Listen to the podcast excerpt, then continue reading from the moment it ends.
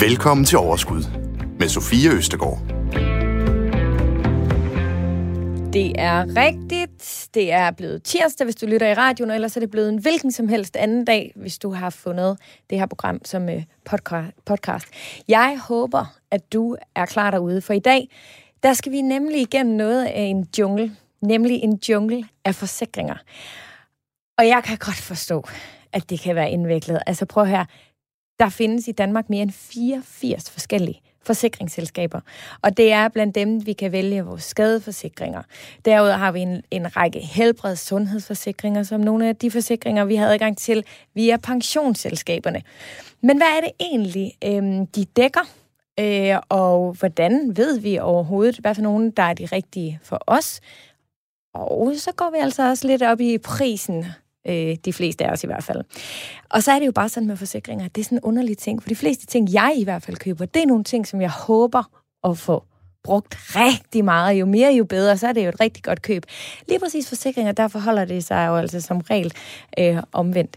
Men i det her program, der skal vi øh, undersøge alt det, jeg lige har sagt, og endnu mere til. Øh, måske kan det give anledning til, at det nogen af os skal afmelde en forsikring, eller måske er der simpelthen en forsikring, som vi ikke har fået købt. I det her program, der er der gode råd at hente, og jeg håber, at I vil følge med ind i junglen af valgmuligheder. Velkommen til. Du lytter til Radio 4. Og øh, på vores lille jungletur, der øh, er det rigtig godt, at vi har nogle gode guider med. Sådan er det jo altid, når man skal ud i junglen. Og derfor er det rigtig dejligt, at jeg kan... Altså, nu kan jeg rent faktisk fysisk rigtigt på den fuldstændig perfekte måde byde velkommen til, for jeg har faktisk to gæster med mig her i studiet, og ikke bare med øh, på telefon. Anja Lindrup Sørensen og Johnny Ben Nielsen, I kommer fra Forsikring og Pension. Velkommen til jer. Tak. Tak. I forstår slet ikke, hvor, hvor, hvor fedt det er at se jer i virkeligheden, og de sidder øh, her øh, over for mig, fordi det er altså første gang i hele året, 2021, at vi rent faktisk har nogle øh, virkelige mennesker øh, med her i studiet. Øhm, Anja, du er konsulent for forsikringsoplysning, øh, og du er ekspert i skadeforsikringer, mens øh, du, Johnny, er chefskonsulent i afdelingen for pension og velfærd. Og dermed er du jo så eksperten inden for helbreds- og sundhedsforsikringerne.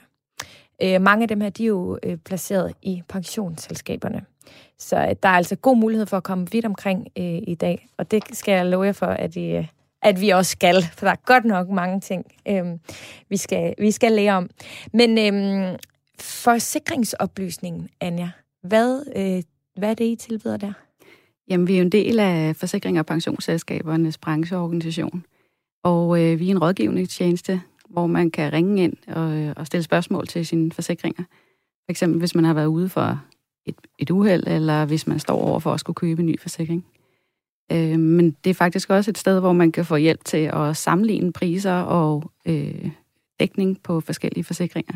Vi har et værktøj, der hedder forsikringsguiden.dk, øh, og der kan man simpelthen sammenligne en rej, lang række forsikringer. Øh, og man kan også få hjælp til ligesom at afklare, hvad er det for forsikringer, jeg reelt har behov for. Så vi er ikke et forsikringsselskab, men, øh, men vi er en tjeneste, som ligesom hjælper dig til at, at, at træffe nogle valg. Altså måske er det bare mig, der sådan er lidt, det ved jeg ikke, bagud. Men det, havde, det anede jeg faktisk ikke, at man kunne. Altså jeg har taget mig selv i så mange gange, siddet og prøvet at ringe rundt og prøve at finde ud af at sammenligne, og, og nogle gange så er jeg bare sådan, kan ikke overskue det, så køber jeg bare den her, for han virkede sødest, eller, eller hun tog hurtigt telefon. Altså det kan virkelig komme ned til sådan noget, når man sidder, for det kan føles som den her jungle. Og for at, øh, tror jeg, lette det hele en lille smule, så kunne jeg godt tænke mig, at vi prøver at danne os et lille sådan overblik øh, over de ting, som, de forsikringer, vi skal igennem i dag. Øh, så Anja, kan, lad os prøve at starte. Kan vi prøve at tale lidt om, hvad er det, når vi kalder skadesforsikringer? Hvad er det? Øh, og så det samme kunne jeg godt tænke mig bagefter, vi også gør med helbreds- og sundhedsforsikringerne. Øh, skadesforsikringerne, det er sådan overordnet set de forsikringer, som dækker skader på vores ting øh, og person. Det er indboforsikringen, som rigtig mange af os har, og øh, så er det sådan noget som ulykkesforsikring og husforsikring, og det rummer også de, øh, de lovpligtige forsikringer som vi skal have. Ja. Mm. Og Johnny, sundheds- og helbredsforsikring? Ja, det er også et øh, overordnet begreb. Men noget af det, som vi har inden for her, det er helbredsforsikringer. Det er de dækninger, du har ved din tab af erhvervsevne. Det er, hvis du får en dækning ved visse kritiske sygdomme. Der kan også være en ulykkesforsikring. Der kan være nogle dødsfaldsdækninger, engangssummer, noget løbende ægtefælde samleverpension og børnepension. Og du kan også have nogle sundhedsforsikringer ved siden af, og så endelig kan du også have noget lønsikring. Og alt det, det kan virke uoverskueligt, uoverskueligt lige nu. Men om cirka 50 minutter, så er vi alle sammen blevet super skarpe, forstår det fuldstændig og ved lige præcis, hvilke nogle øh, forsikringer øh, vi enten skal ud og have fat i, eller hvad for nogle vi måske har, har lidt for mange af.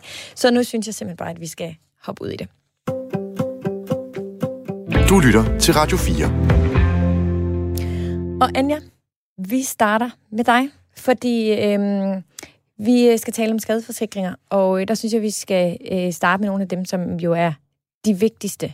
Øhm, men øhm, vil du måske bare lige kort inden da prøve at sætte lidt ord på, øhm, hvordan, altså, hvordan jeg som person, eller hvordan den enkelte skal vurdere sit sådan, forsikringsbehov? Jamen, forsikringen handler jo meget om risikovillighed. Øhm, så derfor er det jo også en individuel øh, smagsag, hvor, hvor godt man vil sikre sig. Men sådan generelt spiller i hvert fald ens økonomi ind. Øh, hvor meget har man selv råd til at, at betale, hvis det går galt? Øh, hvor vigtigt er forsikringen for en? Hvor forventer man, at man skal have noget hjælp økonomisk, og hvor forventer man, at man selv lægger nogle penge? Øhm, og, og så selvfølgelig også, hvordan man lever. Øhm, om man er aktiv eller rejser meget, eller den slags. Øhm, og det er jo vigtigt, at man gør op med sig selv, hvad man har brug for, inden uheldet opstår. Ja, og det er jo også sådan noget som for eksempel, hvis man lige pludselig er begyndt at investere i kunst, eller man har fået en eller anden sindssyg hobby, ja. som er lidt vildere end, end andre ting.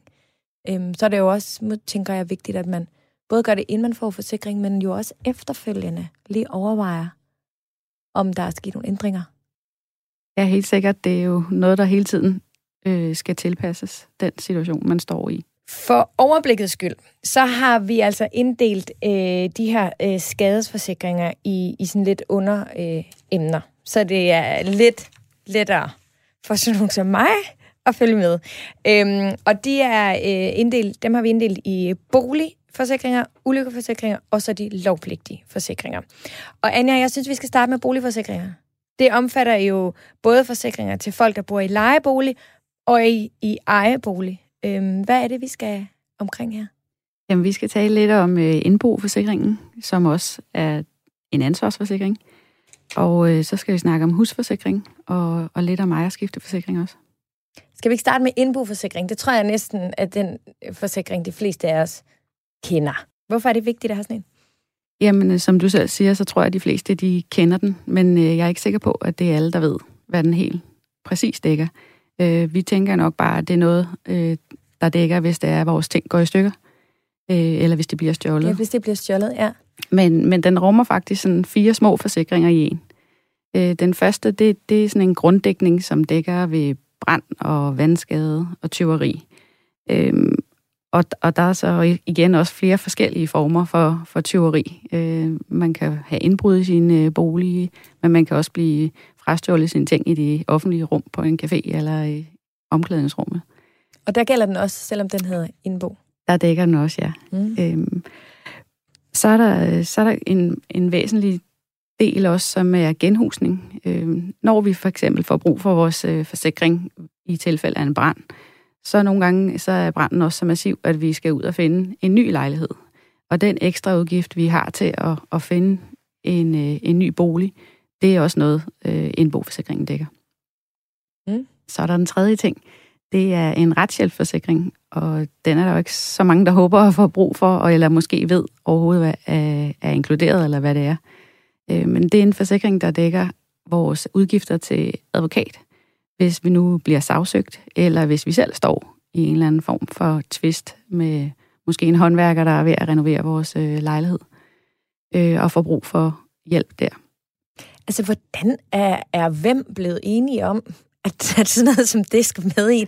Altså, kan du godt forstå, for sådan en som mig, det er, sådan, det er, jo, det er jo super fedt, at den er der, men det er da hat og briller, at den ligger under indboforsikring. Ja, og jeg tror, man har forsøgt øh, at putte den ind under indboforsikringen for at sikre, at alle havde lige øh, muligheder. Mm. Fordi okay. vi ser fra andre øh, lande omkring os selv, at, øh, at det er en særskilt forsikring. Men her har man altså valgt at putte den ind i den forsikring, som langt de fleste danskere har. Det er egentlig meget smart, fordi som jeg startede med at sige, så tror jeg faktisk, at indbo, det er netop er noget, det siger du også, du siger, langt, langt de fleste danskere har den. Det er egentlig meget smart. Altså, ja. Så burde man måske putte lidt flere ting ind under, ind under den. Nå, det var, det var tre. Du sagde, der var fire. Der var fire, ja. Mm. Og den fjerde er måske den allervigtigste, øh, fordi det er en, øh, en ansvarsforsikring, som dækker, øh, hvis vi er skyld i, at andre kommer til skade, eller vi er ved et uheld for ødelagt andres øh, ting. Og måske ikke ting, men i hvert fald, hvis vi kommer til at invalidere et andet menneske, så kan det løbe op i, i rigtig mange øh, penge, hvis man skal betale egen lomme. Ja, og er det uanset, hvordan man gør det, lyder sådan lidt, lidt, lidt eller kommer til, altså? Nej, det er, ikke, det, det er ikke helt ligegyldigt. Øhm, der er nogle situationer, hvor man som forsikringsselskab ikke øh, dækker, og det er jo, hvis man gør noget med vilje, ja, altså fuld, med fuld overlæg. Men det er ligegyldigt, om det sker i ens eget hjem? Ja. Eller om det sker... Okay. Det er det. Ja, forsikringen altså generelt set dækker både, når vi er hjemme, men også når vi er alle andre steder. Mm. Og en indboforsikring er jo ikke en under de lovpligtige, så det er faktisk noget, vi selv kan vælge til eller fra i princippet. Ja. Så behøver vi den ikke. Nej. Nej, spændende. Øhm, og nu sagde jeg jo, at det var leje og ejer, men bare lige for at slå fast, det er vel også andel? Ja. Ja, godt. Så uanset hvordan man bor, ja. så er den her øh, spændende. Øhm, men øhm, hvordan kan vi så være sikre på, at det, det passer? Fordi det er jo også noget med, så vidt jeg husker, at man skal vælge øh, en eller anden form for værdi, øh, hvad man har indbo og sådan noget. Ja, det, det har det i hvert fald traditionelt set været, at man, øh, man ligesom sætter en samlet forsikringshum på alle de ting, man har i sin bolig. Øhm, og så siger man, hvad er det hele værd, hvis jeg skal ud og, og genanskaffe det. Øh, men de senere år er der også øh, lige så mange, som kører med det, man kalder en sumløs forsikring. Øh, men der kan så være, altså så man egentlig dækker ubegrænset, men, men alligevel er der så nogle typer af ting i vores bolig, som der er et bel- maksbeløb på.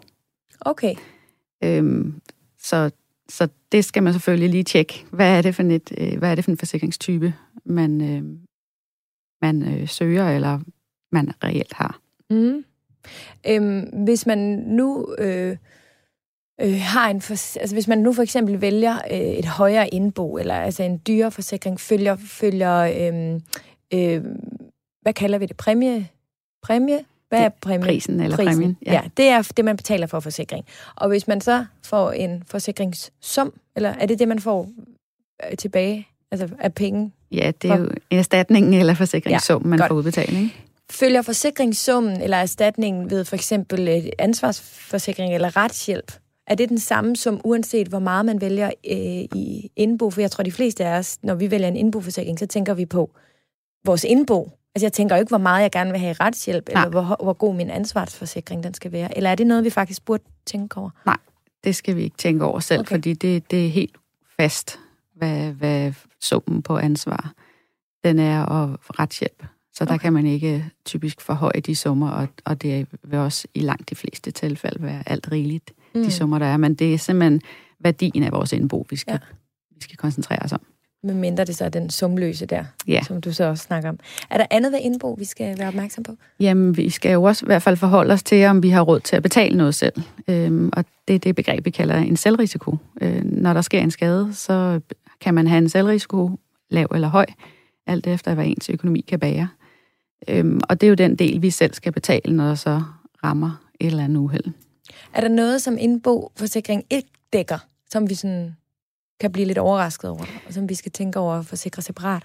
Ja, det tror jeg. Øh, der er kommet rigtig mange nye gadgets og legetøjs, øh, dimsedutter på markedet, øhm, og jeg tror, der det er attraktivt for rigtig mange. Men, øh, men sådan noget som droner, elektriske løbehjul og de her hurtige elcykler, det kan faktisk give en lidt øh, problemer rent forsikringsmæssigt, fordi ansvaret øh, for de skader, man laver på, på en af de her øh, elektroniske devices, det er ikke som hovedregel dækket af en indboforsikring. Okay. Det er måske også for meget for langt, at de skal kunne følge med hele tiden i alle de nye øh, gadgets og øh, devices, som vi anskaffer os øh, hen ad vejen. Øhm, men nu øh, hopper vi videre Og øh, det var øh, det var jo den første, som var øh, indboforsikring. Vi hopper videre til husforsikring. Hvad dækker den så, som indboforsikring ikke dækker? Jamen, hvor indboforsikringen dækker alle vores løse ting, så dækker husforsikringen selve huset, altså væggene og taget og gulvene og så videre. Men så er det måske ikke så relevant, hvis man bor til leje, eller hvad? Nej, Nej. det vil det ikke være. Det er, hvis man, man har en parcelhus eller et rækkehus, øh, og selv skal forsikre det. Ja. Og mange tror, at forsikringen er lovpligtig. Øh, og det tror jeg hænger sammen med, at øh, banken, øh, hvor vi ofte låner penge til hus, øh, de stiller krav om, at man som minimum brandforsikrer sit hus. Mm. Ja, okay. Og hvad skal man være opmærksom på her? Jamen, husforsikringen, det er jo en, en øh, forsikring, der tager hånd om mange af de uforudsete ting, vi bliver mødt med som husejeren, hvis der opstår en storm eller et indbrud, øh, en vandskade. Hvad skal man øh, være særlig opmærksom på øh, ved sin øh, husforsikring?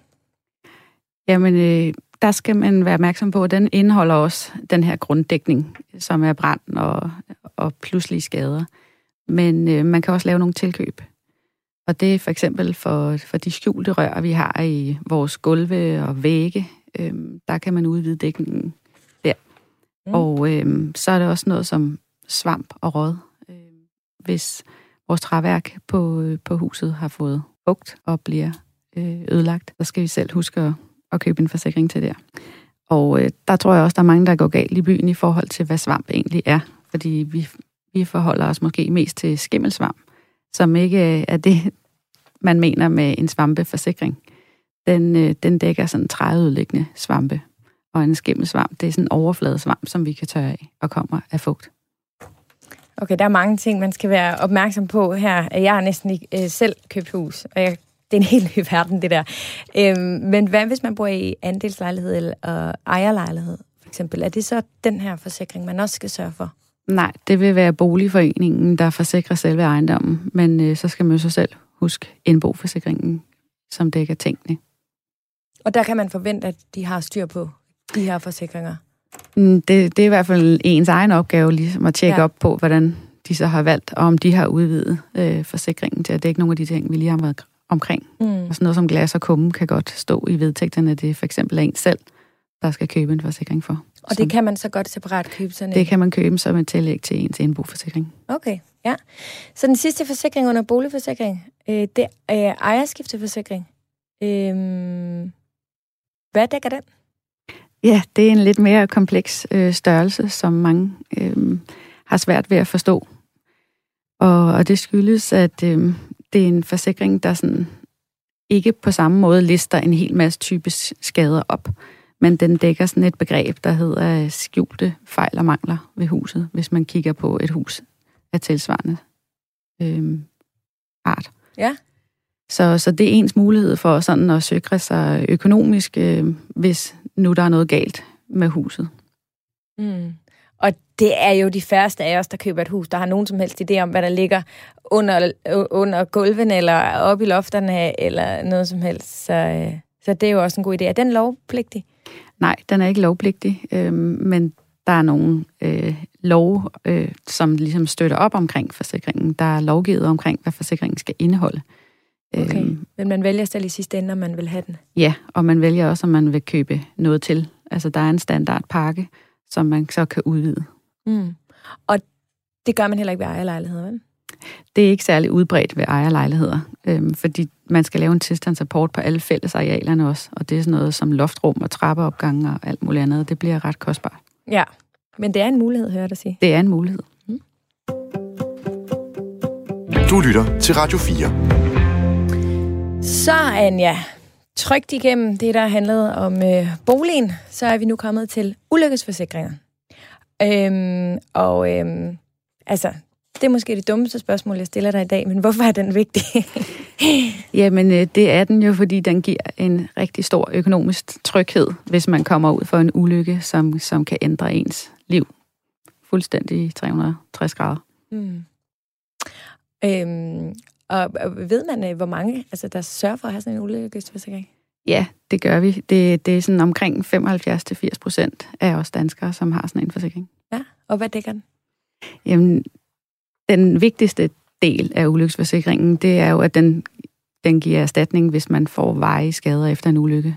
Så det er det, man kalder men.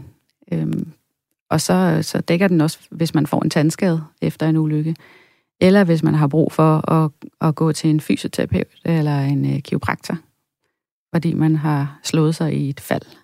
Mm. Mm, Jeg er for eksempel medlem af, Danmark. Altså, er det lidt det samme? Er der grund til at have en ulykkesforsikring, så hvis man er medlem af, af Danmark på... Det, det er to forskellige ting. Danmark er en tilskudsordning, hvor du får økonomisk hjælp til en række udgifter. Og en ulykkesforsikring, den, øh, den giver en engangserstatning, fordi du har fået en fysisk skade. Okay. Ja. Hvad kan man, øh, hvad, hvad kan man så skrue på ved valg af ulykkesforsikring, Jamen, hvis man kan det? det, jamen, det kan man godt. Øhm, de fleste forsikringer, de dækker, når man får et vejet men på mindst 5%. Men faktisk kan man godt hæve den procent. Så skal der jo alt den lige også mere til, øh, at man kan få en udbetaling, fordi man skal komme slemmere til skade.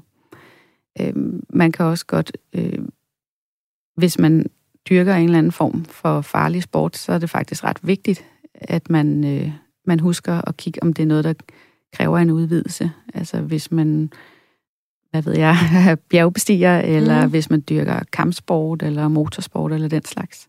Der er simpelthen nogle af de ting, hvor den ikke dækker. Ja, hvis man ikke køber et tillæg. Okay. Og er det ellers en hver ulykke? Altså, kan det både være noget, jeg gør i min fritid? Kan det være noget, jeg gør øh, øh, derhjemme? Eller en ulykke på arbejdet? Altså, dækker den ulykker uanset hvor og hvordan? Nej, man vælger til, om den skal dække hele døgnet, eller om den kun skal dække i fritiden. Så det, det afhænger lidt af, hvilken form man har valgt. Ja, og der er vi jo tilbage til, hvilken livsstil du har, hvilken risikovillighed og, og, og, og det der, ikke? Jo. Øhm, vil du sige, at den er lige så vigtig som en indbo-forsikring? Jeg vil sige, at den hører til i den øverste gruppe af forsikringer, man skal overveje. Men, øh, men den er, adskiller sig lidt fra de andre, fordi den dækker ikke et konkret tab eller en udgift. Øh, det er noget, der ligesom er rart at få, hvis man, øh, hvis man kommer ud for en ulykke. Men den er stadigvæk ikke lovpligtig. Den er slet ikke lovpligtig, Nej. nej. Så det er stadig en, man skal vælge, hvis man vil. Og det kan ændre sig sådan gennem livet, hvis man er helt ung, øhm, og man skal begrænse sit budget, så, så vil jeg nok sige, at man skulle vælge indboforsikringen. Men, øh, men jeg synes stadig, man skal have ulykkesforsikringen i baghovedet. Ja. Og så måske huske den, når man får lidt flere penge. Mm.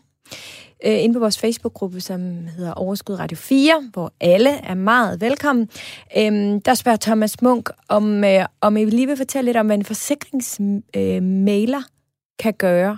Altså ligesom ringe til en, der kan hjælpe med at, at kigge på hele landskabet, hele junglen, og finde ud af, hvad skal jeg, og måske sætte sig ind i, i, i min profil og hjælpe mig.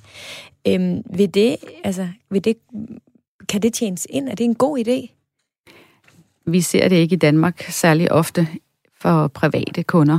Øh, Det er til gengæld rigtig udbredt på erhvervsmarkedet, altså for firmaer og virksomheder, som har et noget altså mere komplekst forsikringsprogram, hvis vi kan sige det. Ja. Øhm, Så der vil være altså mere tid og, og besparelse at hente, for, hvis man er erhvervskunde. Men det betyder jo så ikke også, at, der, at maileren kan hjælpe en med, med ens private forsikringer også. Og så kan vi jo øh, altså, anbefale forsikringsguiden.dk, som vel alt andet end lige... Jeg har ikke selv prøvet den, det skal jeg da gøre, men den kan vel noget af det samme. Den vil hjælpe en på vej. Du lytter til Radio 4. Det gør du, og vi er i fuld gang. Vi er inde i junglen af forsikringer, men heldigvis har vi kompetente folk med i studiet. I hørte rigtigt, med i studiet i dag. Øh, og lige nu taler jeg med Anja Lindtrup øh, Sørensen og Anja. Nu har jeg jo spurgt ind til, tror jeg, ved hver eneste forsikring. Der er endnu ikke noget af det, som du har talt om, som har været lovpligtigt endnu. Selvom måske burde noget af det være, men det kan man jo mene, som man vil eller ej. Øhm, men nu kommer vi til de lovpligtige øh, forsikringer, øh, og dem skal vi selvfølgelig også komme omkring. Hvad er det for nogen? Det er forsikringer til motorkøretøjer, som er, ja, lige præcis, som er biler og knaller der og den slags. Og så er det til hunde og heste, vi skal have en ansvarsforsikring. Det er simpelthen det. Ikke helt. Nå. så øh, de her droner, som vi snakkede lidt om øh, før, De kræver også en forsikring, hvis det er en drone, der vejer mere end 250 gram.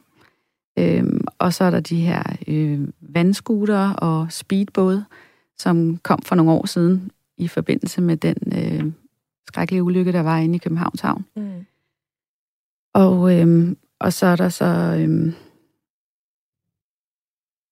ikke flere. det er perfekt.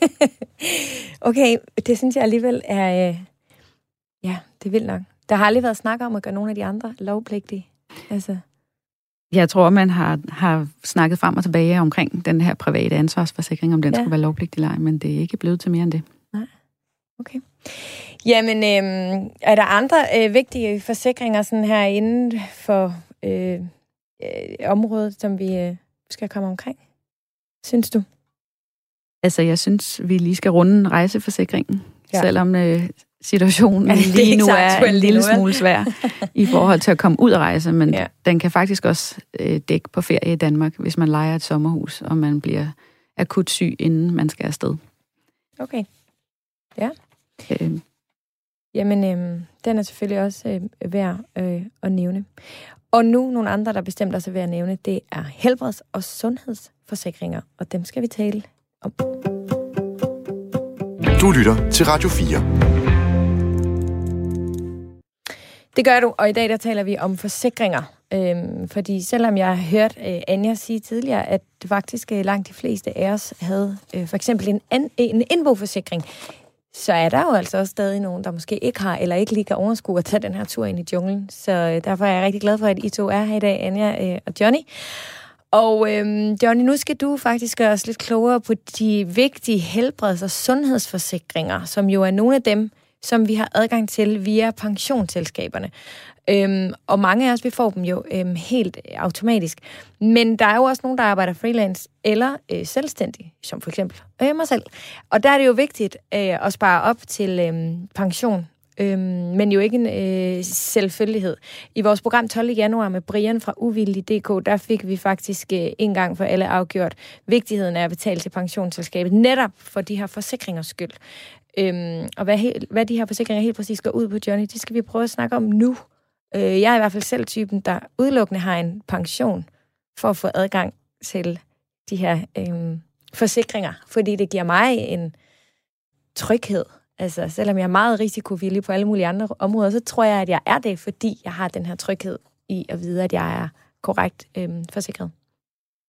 Så Johnny, kan du ikke prøve at tage os med igennem nogle af de, øh, sådan, i hvert fald ifølge dig, vigtigste forsikringer? Øhm, vil du prøve at kort nævne, hvad det er for nogen? Jo, øh, nogle af de forsikringer, som vi har, som der er rigtig vigtige, og som du typisk har igennem din pensionsordning, som du selv var inde på, det er helbredsforsikringen, hvor du har nogle dækninger ved tab af erhvervsevne. Du kan have noget dækning ved kritisk sygdom. Øh, du kan også have eventuelt noget ulykkesforsikring. Så har du noget, der er lidt sværere at tale om. Du har dine dødsfaldsdækninger, hvor du kan typisk have en, en indgangssum eller noget ægtefælde samleverpension og noget til dine børn. Øhm, og derudover så kan du også have en sundhedsforsikring gennem din arbejdsgiver. Og det er jo de forsikringer, vi går lidt mere i dybden med øh, nu. Du har lovet at fortælle lidt om det, ligesom Anja også har talt om de andre. Men Johnny, ja, altså, der er jo noget, der er med til at gøre det her til en måske større og mere forvirrende jungle, end, end det egentlig behøvede at være. Altså, ulægges og sundhedsforsikringer, de har utrolig mange forskellige navne. Altså, er det ikke med til bare at forvirre os lidt? Jo, både og. Altså, det er korrekt. De har rigtig mange forskellige navne. Øh, de forskellige selskaber kalder de nogenlunde de samme produkter lidt forskelligt. Som jeg plejer at sige, kært barn har mange navne. Øh, men det er, og der er stor forskel på de forskellige forsikringer. Der er jo også der, hvor forsikringsselskaberne de har prøvet nogle gange at differentiere det lidt ud fra, hvad de så kalder det. Så, men det er et problem. Den samme dækning er næsten det samme eller forskellige ting i forskellige selskaber. Var det ikke noget, I ligesom kunne tage op inden vi jer, og så samle alle de her, hvad var det, 87 forskellige forsikringsselskaber, eller 84 var det, over, øh, og få sat dem ned og kigget hinanden i øjnene, og gjort det lidt mere simpelt. den kan I tage med herfra. Værsgo, den er til jer. Den er taget med. øhm, men uh, John, jeg synes, vi skal starte med helbredsforsikringer. Øh, og øh, vi starter øh, med en forsikring, som øh, også kan være svært bare at sige, hvad den hedder. Invalidi invaliditetsforsikringen, som nogen kalder tab, tab af erhvervsevneforsikring. Den er vigtig og umulig at udtænke. Jamen, det er jo igen et godt eksempel på, kernbarn har mange navne. Den kaldes netop en tab af erhvervsevneforsikring, den kaldes en invalidepension, invaliditetsforsikring og mange andre forskellige ting. Det er den, som jeg nok vil anse som den allervigtigste forsikring, som du kan have. Det er den forsikring, som der går ind og dækker dig, hvis du mister din erhvervsevne, altså ikke længere kan arbejde. Øhm, så det er der, hvor du typisk vil fra det offentlige, så vil du få en offentlig førtidspension, men den er jo ikke verdens højeste, det må man nok erkende. Så de fleste, de har altså et behov for at få en højere dækning, og man skal være opmærksom på, at det her, det er jo altså for måske resten af dit liv. Hvis du mm. går hen som 30-årig øh, og bliver syg eller udsat for et uheld, så du skal have den her dækning helt ind til resten af dit liv, så er det altså mange penge, vi taler om. Ja. Det, det, det, der er så sindssygt, når man taler om de her, altså det er jo, det, man, man, jeg får lige sådan en, åh oh, gud, tænk hvis det var mig, at jeg skal sørge for, altså det er jo det, jeg tror også, nogen, de afholder sig simpelthen for at tale om de her med død og tabt erhvervsevne og alt muligt andet, fordi det faktisk ikke altid er sådan super behageligt. Er det også noget, I oplever, altså at folk går lidt udenom det og ikke rigtig sådan rører for meget ved det? Helt sikkert. Nu har jeg selv siddet også som pensionsrådgiver i mange ja. år, og det er noget, som folk de synes, der er meget, meget ubehageligt at så tale om. Hvad sker der, hvis jeg går hen og bliver invalid, eller hvad sker der, hvis jeg går hen og dør? Mm. Hvad sker der med, hvad skal mine øh, efterladte have? Men det er en vigtig forsikring, det er en vigtig samtale at have og, og tænke på. Fordi hvis du venter indtil du er uheldet, det har været ude, så er det for sent. Ja, det er jo det, det er. Uh. Øhm, men den her invalid øhm, øh, forsikring, invaliditetsforsikring, øhm, er det noget med, at man skal være to tredjedel øh, invalid, for at Igen. den overhovedet kommer til udbetaling? Det kommer an på det enkelte selskab, hvad du er dækket i. Den kommer i rigtig mange forskellige former. Øh, der er nogle dækninger, hvor at du skal miste halvdelen af din erhvervsevne, øh, cirka svarende til, at du skal kunne arbejde under 20 timer om ugen. Der er nogle, hvor det er to tredjedel, så skal du arbejde cirka under 12 timer om ugen. Så er der også nogen, som først kommer til udbetaling, hvis du bliver tilkendt offentlig førtidspension fra det før, øh, offentlige. Så det er sådan, der, der er mange forskellige typer, hvor, meget, hvor syg skal du være i det enkelte selskab. Mm. Er det også, ligesom nogle af dem, jeg talte med Anja om tidligere, øh, nogen, man ligesom kan skrue op og, og ned for, ikke? Altså sådan...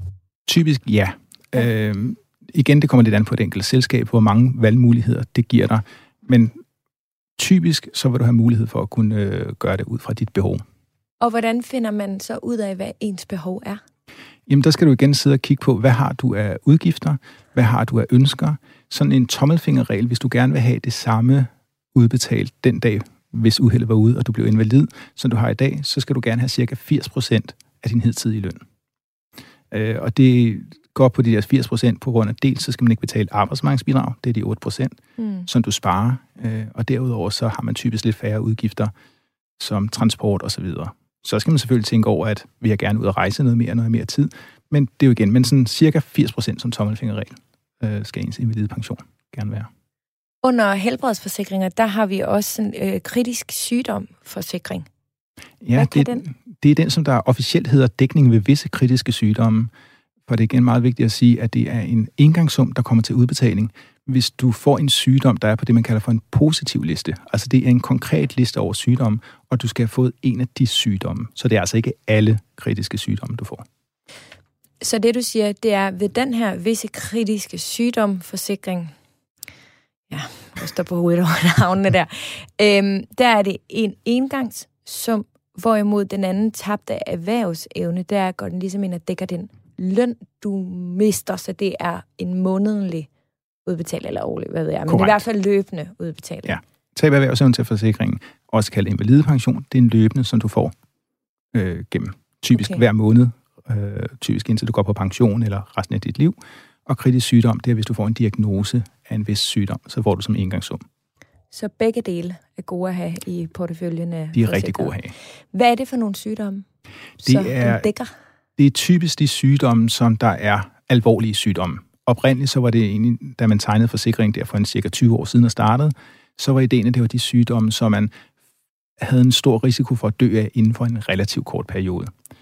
Det er type eksempler, det er kræft, men det kan også godt være blodpropper, øh, det kan være andre typer, altså hvis du skal igennem en større hjerteoperation eller noget retning, men det er alvorlige sygdomme, men mm. kræft er nok den vigtigste af dem.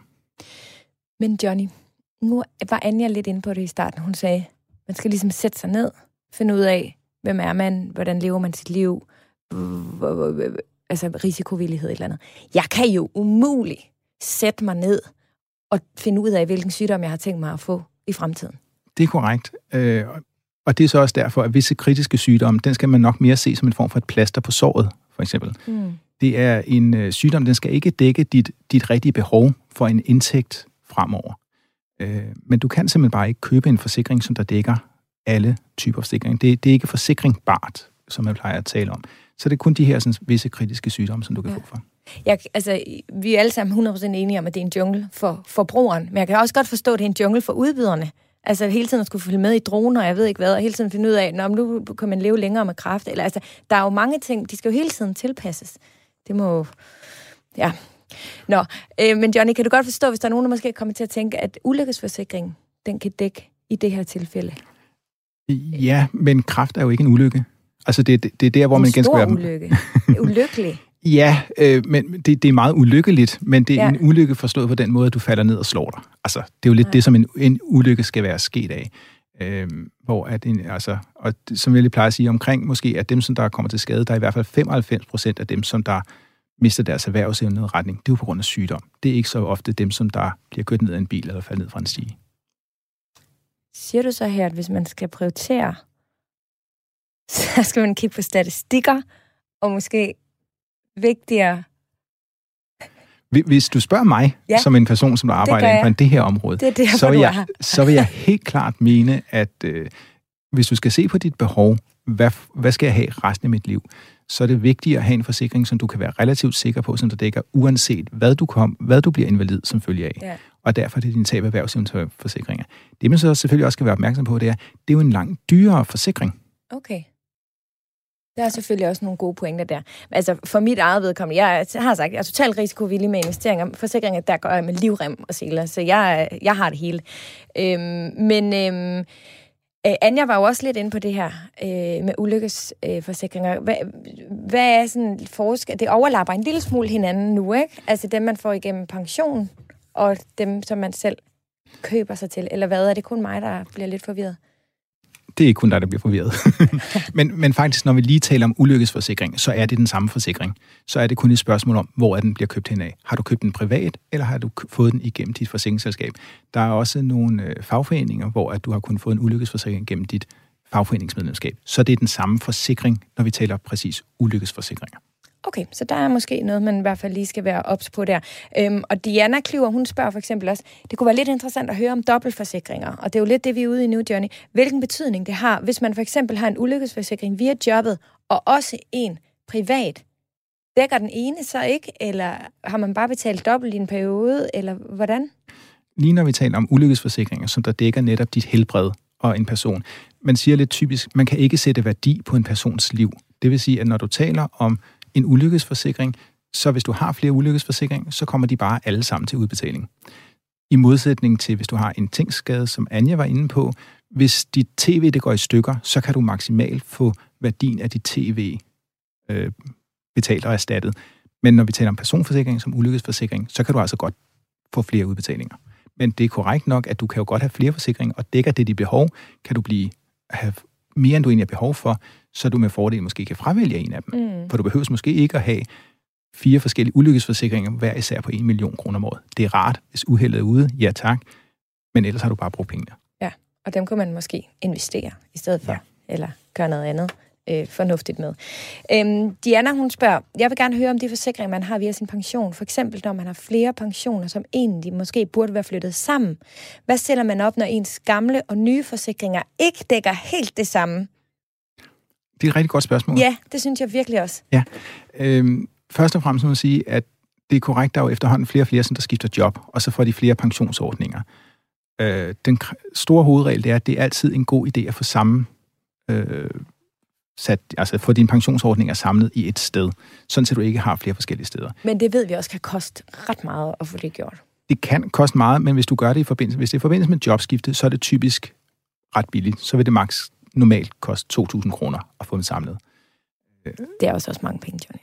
Det kan godt være mange penge, men hvis du har hvis du kan spare de ja. i administrationsomkostninger på et halvt år, så, så kan det på det lange løb være, være en god idé. Ja. Men det man også skal være opmærksom på, nu var spørgsmålet om, du kan have dobbeltforsikringer.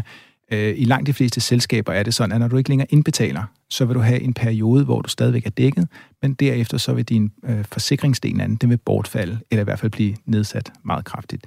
Så for den forbindelse, så vil du typisk ikke risikere at være dobbeltforsikret i, i meget lang periode.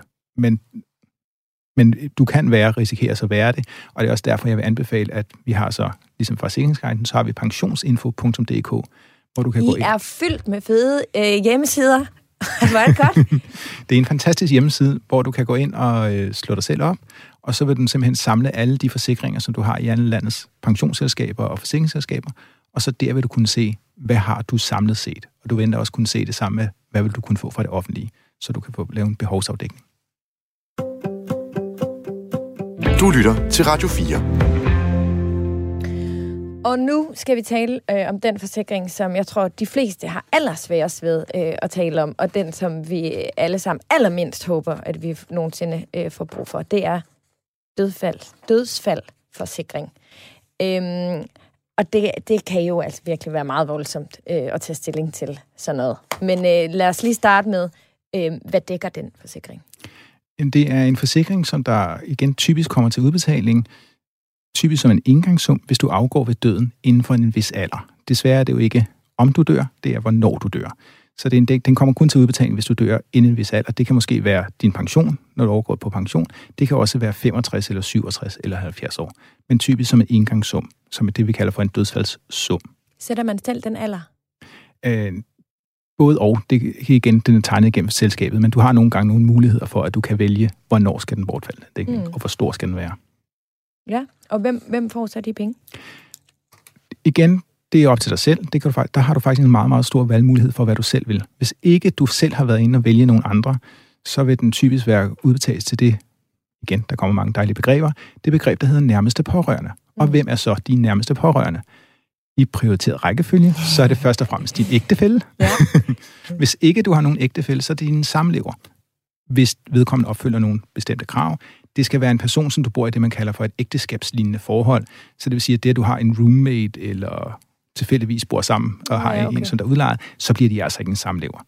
Øh, og som du skal have boet sammen med i som udgangspunkt to år, eller have, have haft eller have barn på vej, for at så være en samlever. Hvis du heller ikke har nogen samlever, så bliver det til dine børn. Hvis du heller ikke har nogen børn, så går det til, hvis du har skrevet noget i dit testamente, og ellers i henhold til afloven.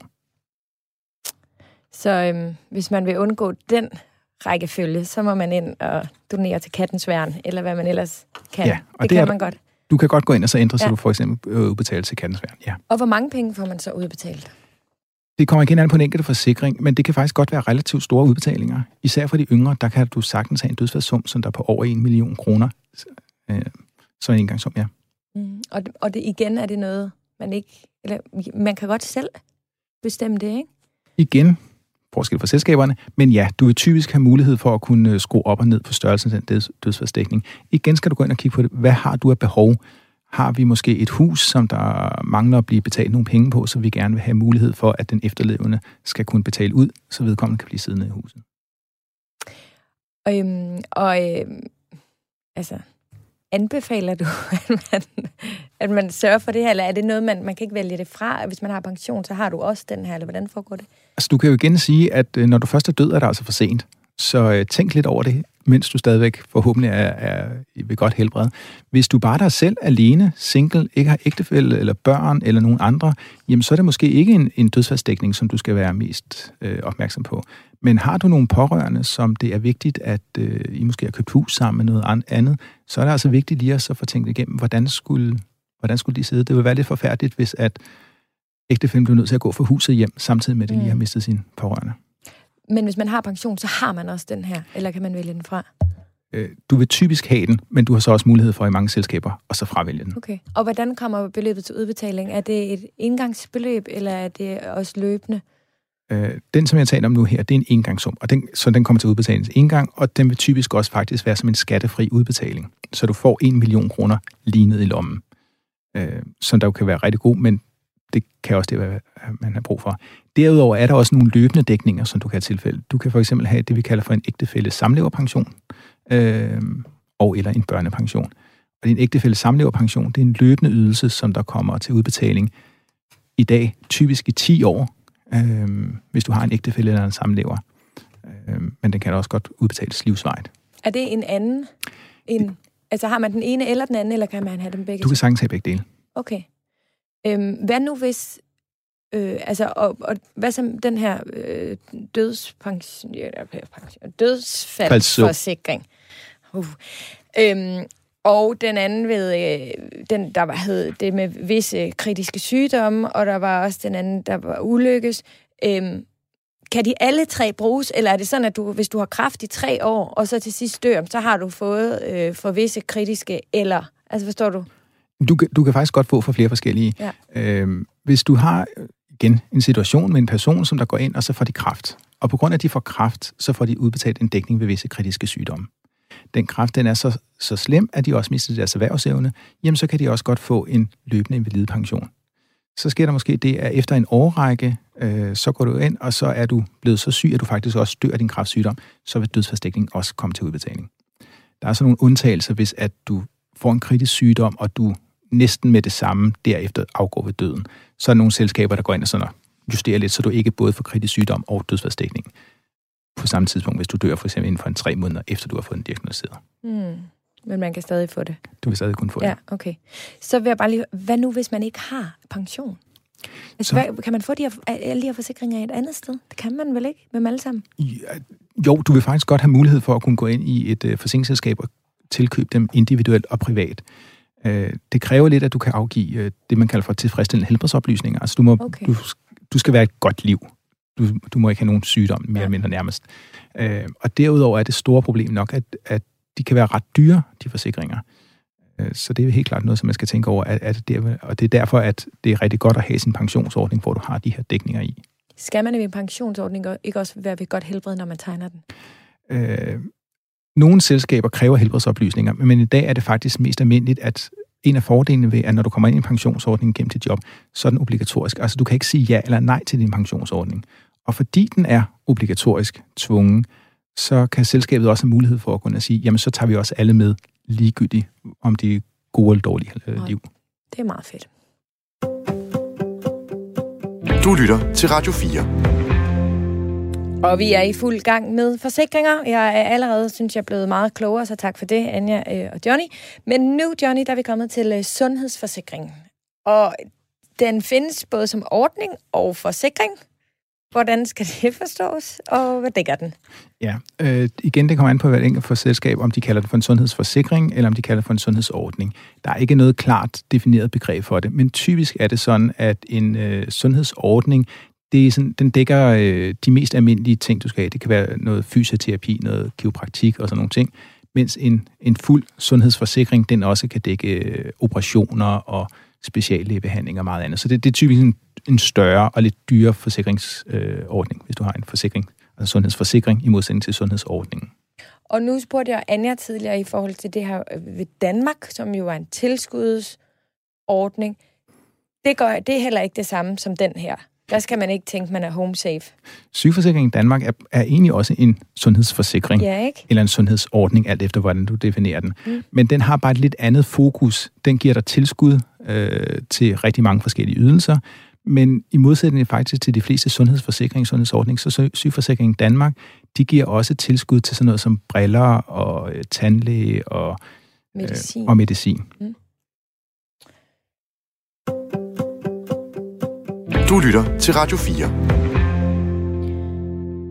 Nu har vi været igennem nogle af de meget øh, vigtige forsikringer, øh, og blandt andet øh, jo med dig, Johnny, med dem øh, igennem øh, pension. Og der må jeg så bare igen referere til pensionsinfo.dk, som var den anden fede hjemmeside i slynget, og vi har med i dag. Øh, og det er jo... Øh, det er jo super fedt, at man har et sted, hvor man kan gå hen og føle, at man får lidt mere øh, information. Man forstår det lidt bedre, måske også i sit eget tempo. Øhm, men øh, vi er jo ved at nærme os øh, slutningen her i dag. Det er utrolig hurtigt, tiden går. Kan I godt mærke det? Jeg håber, I har syntes, det har været hyggeligt at være her indtil videre. Bestemt. Det har vi. det er jeg glad for. Jeg havde faktisk overvejet at tage sådan et eller andet kage med os. Vi skulle fejre, det var første gang, at vi ligesom var samlet. Men så blev jeg i tvivl, om man må det. Man må jo ikke servere mad. Altså, sådan, det bliver jo sådan noget, en ny udfordring. Tror jeg ikke Jeg tror, vi havde klaret den. Ja, ja. Nej, vi vil altså love, at næste gang I er her. Dårligt som vi Så får I en romkugle en pose eller sådan et eller andet. Nå, men altså, vi har øhm, lidt spørgsmål fra vores lytter inden fra øhm, Facebook.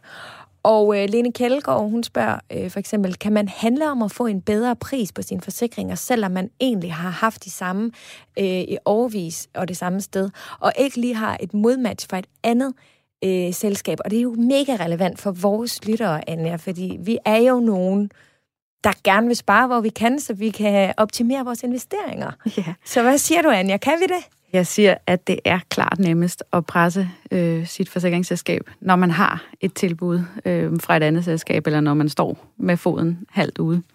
Men, øh, men jeg synes, man kan gøre et forsøg, og jeg synes også, der kan være noget besparelse at hente i forhold til at huske at tilpasse sine forsikringer løbende, eller måske at overveje også at samle nogle forsikringer, eller at kigge på, om man skal sprede dem ud, hvis det giver bedre mening. Ja, det, øh, ja, det er en god pointe. Vi hører bare så meget om, du ved, at øh, man skal i banken, man skal lige gå dem lidt på klingen, og vi er vant til at trykke på maven øh, rundt omkring, ikke? Jo. Øhm, men øh, vi har et spørgsmål mere fra Christina Dalby. Øh, hun spørger, vi meget gerne høre om, hvornår man overforsikrer sig, om der eventuelt er nogle forsikringer eller dækninger, man kan have flere forskellige steder, uden rigtig at vide det. Øhm, og der har vi jo været lidt omkring, mm. at der er særligt er noget udlykkesforsikring, der måske overlapper en lille smule, og det skal man være øh, opmærksom på. Øhm, er der andre steder, øh, Anja, hvor du tænker i forhold til de forsikringer, du har talt om i dag, øhm, uden for pensionsselskaberne, kan man ligesom kalde dem, øh, hvor vi skal være opmærksom på, at der er noget, der kan overlappe lidt? Det er der faktisk, ja. Altså sådan noget som rejseforsikring, det kan vi få virkelig mange steder fra. Øh, vi kan have en dækning via vores Mastercard, og så kan vi have en, en udvidet dækning på vores indboforsikring, som også omfatter rejser. Øh, og så kan vi faktisk også købe den et tredje sted, og det er hos rejseudbyderen. Så der skal man lige holde tungen lige i munden, inden man øh, begynder at købe ekstra forsikring. Hvis nu man så står uheldet er ude, Altså, jeg, jeg, jeg har aldrig været så glad for min... Altså, jeg ved, det må have været rejseforsikring sidste år, da jeg var på ski, og min søn på fem, han brækkede skinnebenet, og vi bare sad op i Sverige og skulle hjem. Altså, jeg har jo set den regning, det jeg aldrig selv kunne betale for at få ham hjem og alt det der. Øhm, men hvis nu man mister bagagen, eller ligesom mig får brug for den der, er der så noget dobbelt? Altså får man noget ud af at have dem flere steder, eller er det bare for åndssvage penge at bruge? Nej, fordi dobbeltforsikring vil ikke jeg vil ikke sige, at du... Jeg har ikke brug for at få ham hjem tre gange. Nej, lige præcis. Og, og som lidt som Johnny sagde tidligere med det her famøse fjernsyn, der måske går i stykker. Ja. Altså, man kan ikke få mere end det reelle tab. Så, øhm, så du, du gør egentlig en, en rigtig dårlig ting for din økonomi ved at betale for flere forsikringer, fordi du får ikke det dobbelte ind igen, når første uheld rammer. Mm.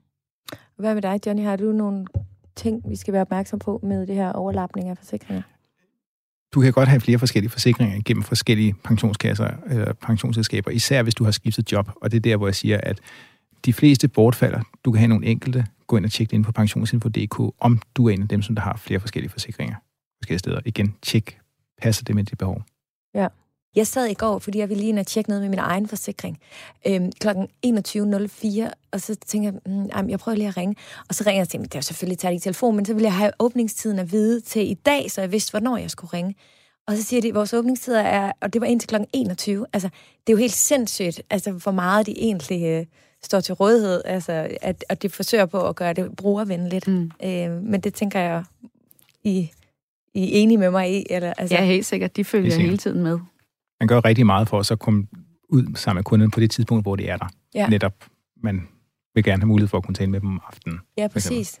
Fordi mange af os er jo forhindret i løbet af dagen på grund af arbejde, for eksempel. Er der nogle forsikringer, vi, I synes, vi mangler lige at være omkring i dag, hvor I tænker, den her, det vil jeg altså godt lige have nævnt, fordi der skal I altså lige være øh, opmærksom. Eller synes I, at vi er nået hele vejen rundt nu? Jeg sad lige og tænkte på en ting omkring øh, det her med dobbeltforsikring, fordi øh, rigtig mange af os får også tilbudt sådan en øh, ekstra forsikring, når vi køber en ny mobiltelefon eller en laptop eller et køleskab. Ja, det gør vi nemlig. Øhm, og det dykker jo lidt ned i, i Christinas spørgsmål her, fordi der er der måske nogen, der tænker, at det er da ikke sikkert, at jeg har sådan en forsikring, så jeg køber der lige en med. Øh, men der kan man Særligt faktisk... de der skærmforsikringer til telefoner. Ja. Fordi det går i stykker konstant. Ja, fordi vi ja. alle sammen er lidt klodsede ja, og måske præcis. Får tabt dem eller spildt mm. eller andet. Men, øh, men det er egentlig også en, øh, en mulighed, øh, at man kan købe sådan noget til på sin indboforsikring. Og der vil det jo så igen være den enkelte afvejning. Er det vigtigt for mig kun at få forsikret den her laptop, jeg køber nu, Eller vil jeg egentlig også godt have, have forsikret min mobiltelefon eller min, bars, min barns øh, mobiltelefon? Ja, god pointe. Hvad med dig, Johnny? Jeg synes, du har været hele vejen rundt, eller? Vi har været rimelig godt omkring. En af de forsikringer, jeg lidt sagde, at vi måske kunne tale om, det var lønsikring. Og det er egentlig bare lidt for at sige, det er en relativt ny forsikring, øh, som der kommer på markedet, hvor at hvis du mister dit job, så har du mulighed for, lidt ligesom når du bliver syg, så bare mens du har mistet dit job, en ekstra udbetaling. Og det, det er også noget af det, man i hvert fald bør efterhånden overveje lidt, om man kan klare sig med sine dagpenge. Ja, det er vigtigt øh, at have styr på alle de her ting. Nu håber jeg i hvert fald, at øh, du, kære lytter, har fået inspiration til, om ikke andet, så i hvert fald gå lidt mere i dybden med det og finde ud af, øh, om du er overforsikret eller ej, for det sker en gang imellem.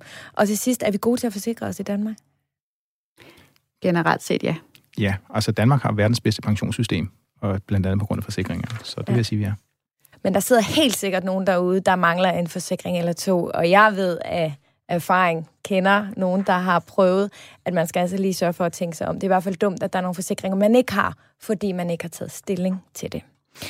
Anja og Johnny, tusind tak, fordi I vil komme i dag. Det var øh, meget, øh, meget trygt at blive guidet igennem junglen øh, på den måde. Tak skal I have. Selv tak. tak.